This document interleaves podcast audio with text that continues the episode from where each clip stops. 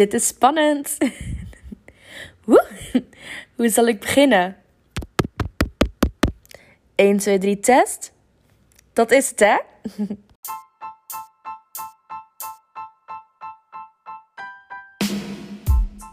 ah, shitzooi. De podcast waar we huilen, lachen en reflecteren op het verleden en de toekomst. We hebben allemaal wel eens shit meegemaakt, maar wanneer houdt het nou eens op? Mijn naam is Naima en dit is de podcast voor jou, maar eigenlijk ook een beetje voor mezelf. Zodat ik lekker kan renten over daten, emigreren, de dood, feminisme, social media en nog zoveel meer.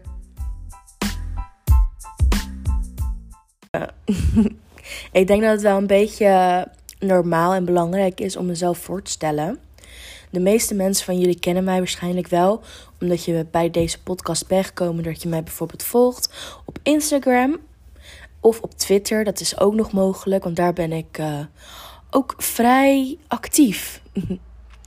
Mijn naam is in ieder geval dus Naima. Ik ben 22 jaar oud en ik kom uit de buurt van Amsterdam. Maar momenteel woon ik in Lissabon, in Portugal. En daar gaat snel verandering in komen, omdat ik eind deze week terug naar Nederland emigreer. Ik heb zo'n twee jaar in Lissabon gewoond, dus het is gigantisch raar voor mij om terug naar Nederland te gaan. En ondanks dat ik ontzettend zenuwachtig ben, heb ik er eigenlijk ook enorm veel zin in om terug in Nederland te zijn. Ik uh, heb in Lissabon bij de klantenservice gewerkt voor een heel leuk bedrijf. En binnenkort ben ik van plan om social work in Amsterdam te studeren. Um, het zou, zou het best wel met elkaar kunnen vergelijken. Omdat je soms ook gesprekken hebt met klanten waarvan je denkt van jeetje, ik uh, mag meteen een heel groot bedrag gaan vragen omdat ik je therapiesessie aan het geven ben. Maar aan de andere kant, um, het is natuurlijk iets heel anders. Maar ik heb er wel heel veel zin in. Als je in Lissabon bent geweest, dan heb je misschien wel een beetje van de Vijpuur geproefd. Het relaxte Zuid-Europa waar niets moet, waar het allemaal kan. En het heeft absoluut geen haast. Geen haast. Dat is echt. Hier heb ik de zon met de meest mooie kleuren onder zien gaan, de leukste avonden beleefd en de meest gezelligste mensen ontmoet. Het is een beetje als een lange vakantie die niet lijkt op te houden. En dat je eigenlijk ja, tussendoor ook aan het werken bent. Daar heb ik het ook heel vaak met mijn vriendinnen over. Want de meeste waarmee ik bevriend ben, die zitten hier ook al twee jaar. Sommigen zitten er net wat langer of net wat korter. En eigenlijk heeft iedereen een beetje hetzelfde gevoel. Omdat je altijd nieuwe dingen tegenkomt. En uh, elke dag is anders, ondanks dat je weet dat je naar werk gaat, is het anders. Wat het gewoon heel erg bearable maakt in principe. En dat is best wel een fijn gevoel, omdat je, je, je bent er nooit echt helemaal klaar mee. En misschien hebben de prijzen van de cocktails er ook wel mee te maken, want die zijn echt gigantisch goedkoop hier, net zoals de wijn en de port. Um, hier in Portugal lig ik bijvoorbeeld eind februari al op het strand. En eind november is dat in sommige gevallen ook nog eens mogelijk. Dus zonuren krijg je hier genoeg. En als dat je ding is, ja. Verhuis hierheen zou ik zeggen. Want uh, beter gaat het niet worden. En de warme zomers en zachte winters hebben echt invloed op de kwaliteit van het leven hier. Het maakt alles net wat leuker. Alleen het enige nadeel is het verdienen van veel minder salaris. En dan heb ik het over dat ik bijvoorbeeld bij mijn vorige baan drie keer zoveel verdiende.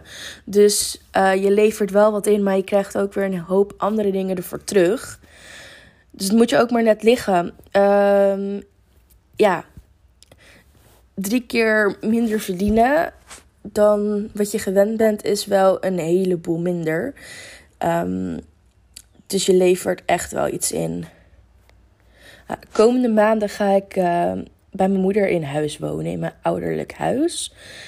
Of ouderlijk huis zou ik het niet eens willen noemen, want mijn moeder is vorig jaar verhuisd naar een appartementje. Nadat uh, ze ons huis heeft verkocht waar we allemaal in opgegroeid zijn. Dus het is wel raar om daar naartoe terug te gaan, aangezien het niet meer als thuis voelt. En um, ja, het heeft voor mij ook niet meer echt een homie gevoel. En mijn kamer is gewoon de logeerkamer. Al heeft het wel een paar van mijn meubels erin staan. Uh, het is ja, het gaat wel raar zijn om ook sowieso bij mijn moeder te zitten nadat ik zo lang op mezelf heb gewoond. Uh, dus het is ook wel echt de planning om zo snel mogelijk weer te vertrekken. En uh, ja, het feit dat ik terug ga naar Nederland en ook zo'n tijdje, ik zou niet zeggen vastzit, maar vastzit. Um, vind ik dit wel het meest gepaste moment om een podcast te starten. Ik heb een paar jaar geleden bijvoorbeeld vloggen geprobeerd. Maar ik vond de beelden maken en het praten erg leuk. Alleen het continu zelf in beeld zijn en die beelden te moeten maken, dat je zelf in beeld bent. En dan ook nog te editen. Ja, vond ik eigenlijk helemaal niks. En dat heb ik eigenlijk altijd al gehad. Ik vond presenteren heel erg leuk van dingen. En dan vooral het praatgedeelte. Maar echt dat continu in beeld komen, nee. Uh, dat, is, dat is niet echt mijn dingetje. Um, dus eigenlijk is het ook niet zo gek voor mij dat ik nu aan een podcast begin. En ik heb er ook echt ontzettend veel zin in. Wellicht dat je ook wel denkt, Naima, wat maakt jou nou interessant? Nou, lieve luisteraar, die vraag stel ik, me ook, stel ik mezelf ook heel vaak. Maar dit is natuurlijk een mening voor ieder voor zich. Um, als jij je interesseert in de thema's waar ik het graag over heb en wat bij mij veel een rol speelt in mijn leven, dan kunnen we het gewoon heel goed met elkaar vinden. En hopelijk steek je ook nog eens iets van me op, want dat is wel uiteindelijk mijn doel. Anders zetten we hier wel ja, iedereen's tijd voor doen. Als ik het eigenlijk niet zou willen noemen, want ik ben gewoon heel erg gezellig. En over het algemeen kan ik ook best wel grappig zijn. um, in principe heb ik alles in mijn leven tegen gehad. Ik was niet gepland. Mijn biologische ouders zaten ook niet in een situatie dat een baby nou echt blijdschap en liefde gaf. Maar eigenlijk juist heel veel zorgen. Ik ben in een kinderthuis terechtgekomen toen ik vijf maanden oud was. En gelukkig is er toen een pleeggezin gekomen die mij tijdelijk in huis heeft genomen. En dat was ook wel met spoed, want in het kinderthuis blijken ze gezegd te hebben dat ik gewoon zo snel mogelijk um, in een normaal gezin terecht moest komen. Uh, vanwege waarschijnlijk ook natuurlijk mijn leeftijd, vijf maanden oud. Dan heb je gewoon moederwarmte nodig en uh, heel veel zorgen die ze daar ja, toch wel met meer moeite moeten geven. En misschien niet eens kunnen geven. Um, dat pleeggezin heeft uiteindelijk vrij snel besloten om mij op te gaan voeden.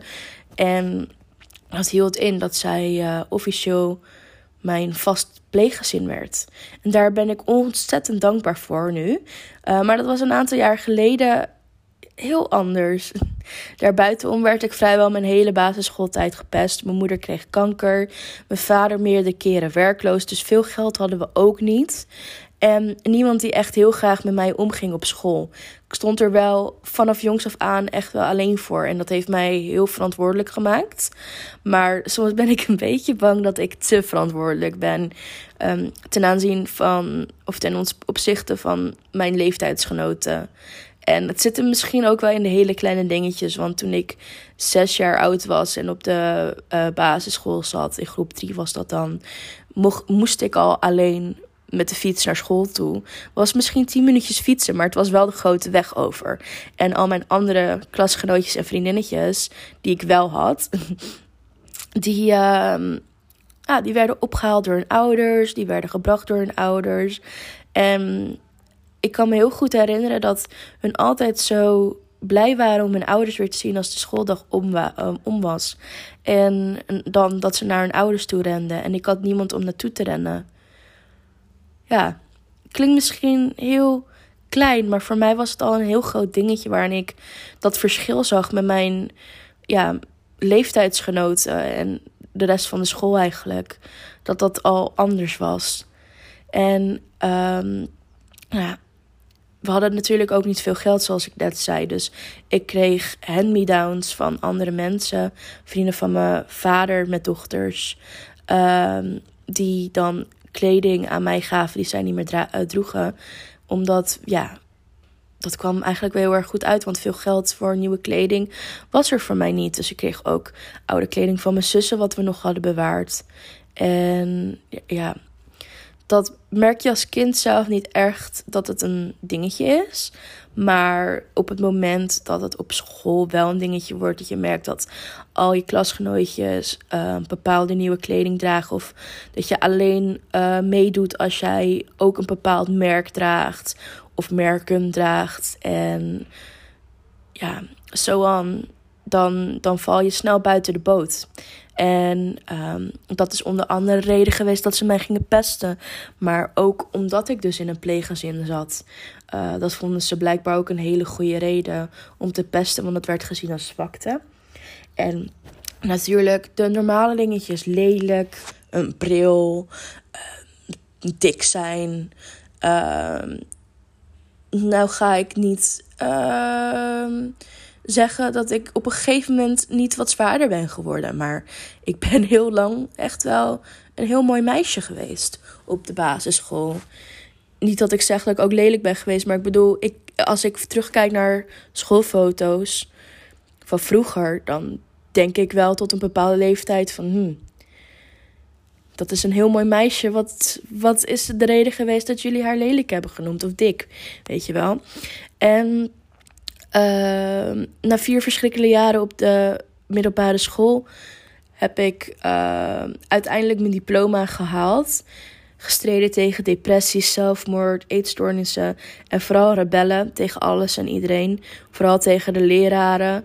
Um, want na de, of tijdens de tweede klas merkte ik echt van oké, um, mensen beginnen mij aardig te vinden of gezellig te vinden en willen met me omgaan. En voor mij was dan negatieve aandacht tegenover de leraren. Um, de manier waarop ik. Ja, ik zou. Ja, aanbeden vind ik niet een goed woord, maar het was wel een, uh, een manier waarop ik mensen won. Voor mij, zeg maar. En um, dan val je uiteindelijk ook in een verkeerde scene terecht met mensen waar je beter niet mee om kan gaan. En um, het feit dat ik uiteindelijk ook nog eens van. Uh, ik heb VMBO gedaan, uiteindelijk van theoretisch niveau naar basis ben gezakt vanwege al die uh, toeters en bellen ja, dat heeft mij niet meer gemotiveerd op uh, school om echt mijn best te blijven doen. Dus ik heb uiteindelijk wel met twee vingers in mijn neus mijn diploma gehaald. Want het stof was ontzettend makkelijk. Maar uh, de school zelf, ja, daar heb ik niet echt hele leuke herinneringen aan ook. Um, dus nadat ik mijn diploma heb op mogen halen, ben ik vertrokken op mijn zestiende naar de Verenigde Staten, waar ik een jaar lang in een gastgezin heb gewoond. En dat was echt wel een jaar waar dromen uitkwamen. Um, ik kwam ook heel erg tot rust en eigenlijk zette ik daardoor een stap naar een betere ik. Dus ik kon heel goed reflecteren van, goh, dit is ook hoe het kan. En uh, dat ik het eigenlijk ook wel heel erg goed had in het land Nederland, waar ik eigenlijk op die leeftijd best wel een hekel aan had. Waarschijnlijk omdat er ook zoveel negatieve dingen gebeurden in Nederland. En um, dat is eigenlijk niet minder geworden daarna. Want in 2016 is mijn vader overleden. Toen was ik ongeveer een jaar terug uit Amerika, anderhalf jaar misschien, um, terug uit Amerika. En eigenlijk alles wat beter leek te gaan vanaf dat moment is echt allemaal in elkaar gezakt. Ik zou gaan studeren voor een opleiding waar ik echt ontzettend veel zin in had. Ik was er ook aan begonnen, maar dat heeft, ja, is uiteindelijk allemaal in de soep gelopen omdat ik gewoon niet kon verdragen om op school te zijn terwijl mijn vader was overleden. En daar hadden ze op uh, school niet echt heel veel begrip voor. Dus uiteindelijk heb ik het jaar ook niet gehaald. En um, ben ik heel lang op vakantie gegaan. En vervolgens kwam ik een vacature tegen waarin ik naar Portugal zou kunnen verhuizen. Dus dat heb ik ook genomen. En helaas hield het ja, negatieve daar eigenlijk niet echt op. Mijn moeder is namelijk opnieuw ziek geworden in 2018. Tenminste is dat bekend geworden. En heeft zijn levensverwachting van een paar jaar. Ze doet het nu nog steeds twee jaar. Het gaat op zich oké. Uh, maar ja, je weet natuurlijk nooit wanneer het slechter of nog slechter gaat. En dat is dan ook een van de redenen dat ik terug naar Nederland ga. Ik keek vannacht overigens een TikTok waarin een meisje vertelde dat ze dingen herinnerde voor haar geboorte. En um, ze kon niet concreet vertellen wat ze precies herinnerde, maar wel dat ze in een bepaalde kamer was met ouders, dus mensen. En dat ze, ja, dat, dat het eigenlijk. Uh, een licht kon kiezen. Zoiets was het. Ze kon een licht kiezen.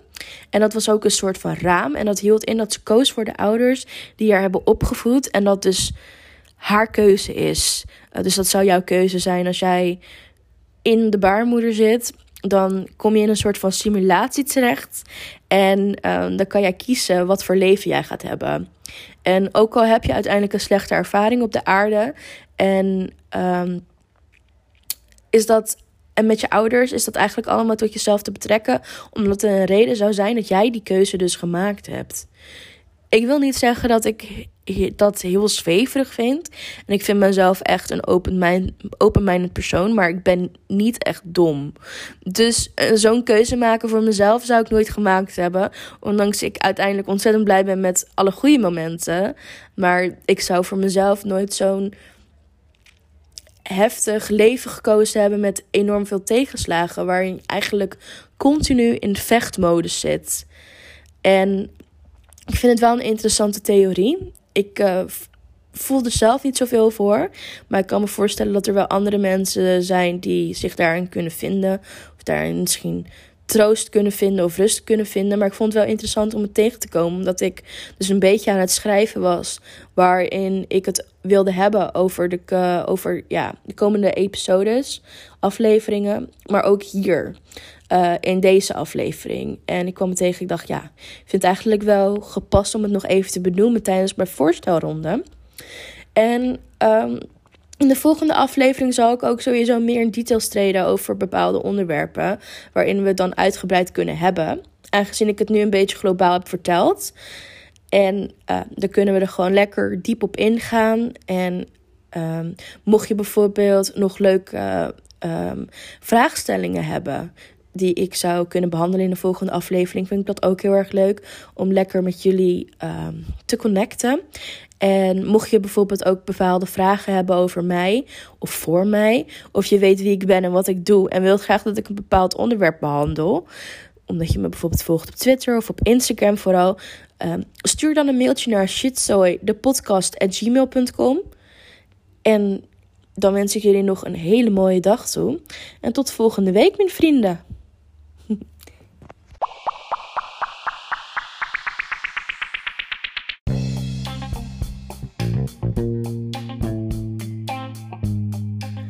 Dankjewel voor het luisteren naar mijn shitzooi. De komende weken kan je nog meer topics verwachten, zoals uh, dating in quarantaine of als een curvy woman, emigreren, de dood, de toekomst, feminisme, mental health, social media en nog veel meer.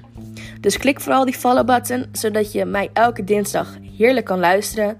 Als je dat later in de week doet, is het ook helemaal prima hoor. Zal ik het niet doorvertellen? Jeetje, wat doe je dat lekker zeg? Klik op de follow button. Vergeet je dan ook niet om dat eventjes te doen op Instagram. Daar zijn we ook te vinden. Shitsoy, de podcast. Tot volgende week.